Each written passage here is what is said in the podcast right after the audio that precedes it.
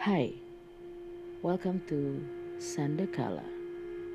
Di podcast ini gue akan menceritakan cerita-cerita horor yang nantinya akan gue bacakan ataupun gue datangkan narasumber langsung untuk menceritakan pengalaman horor mereka ke kalian. So buat kalian yang suka cerita horor, welcome to Sandekala.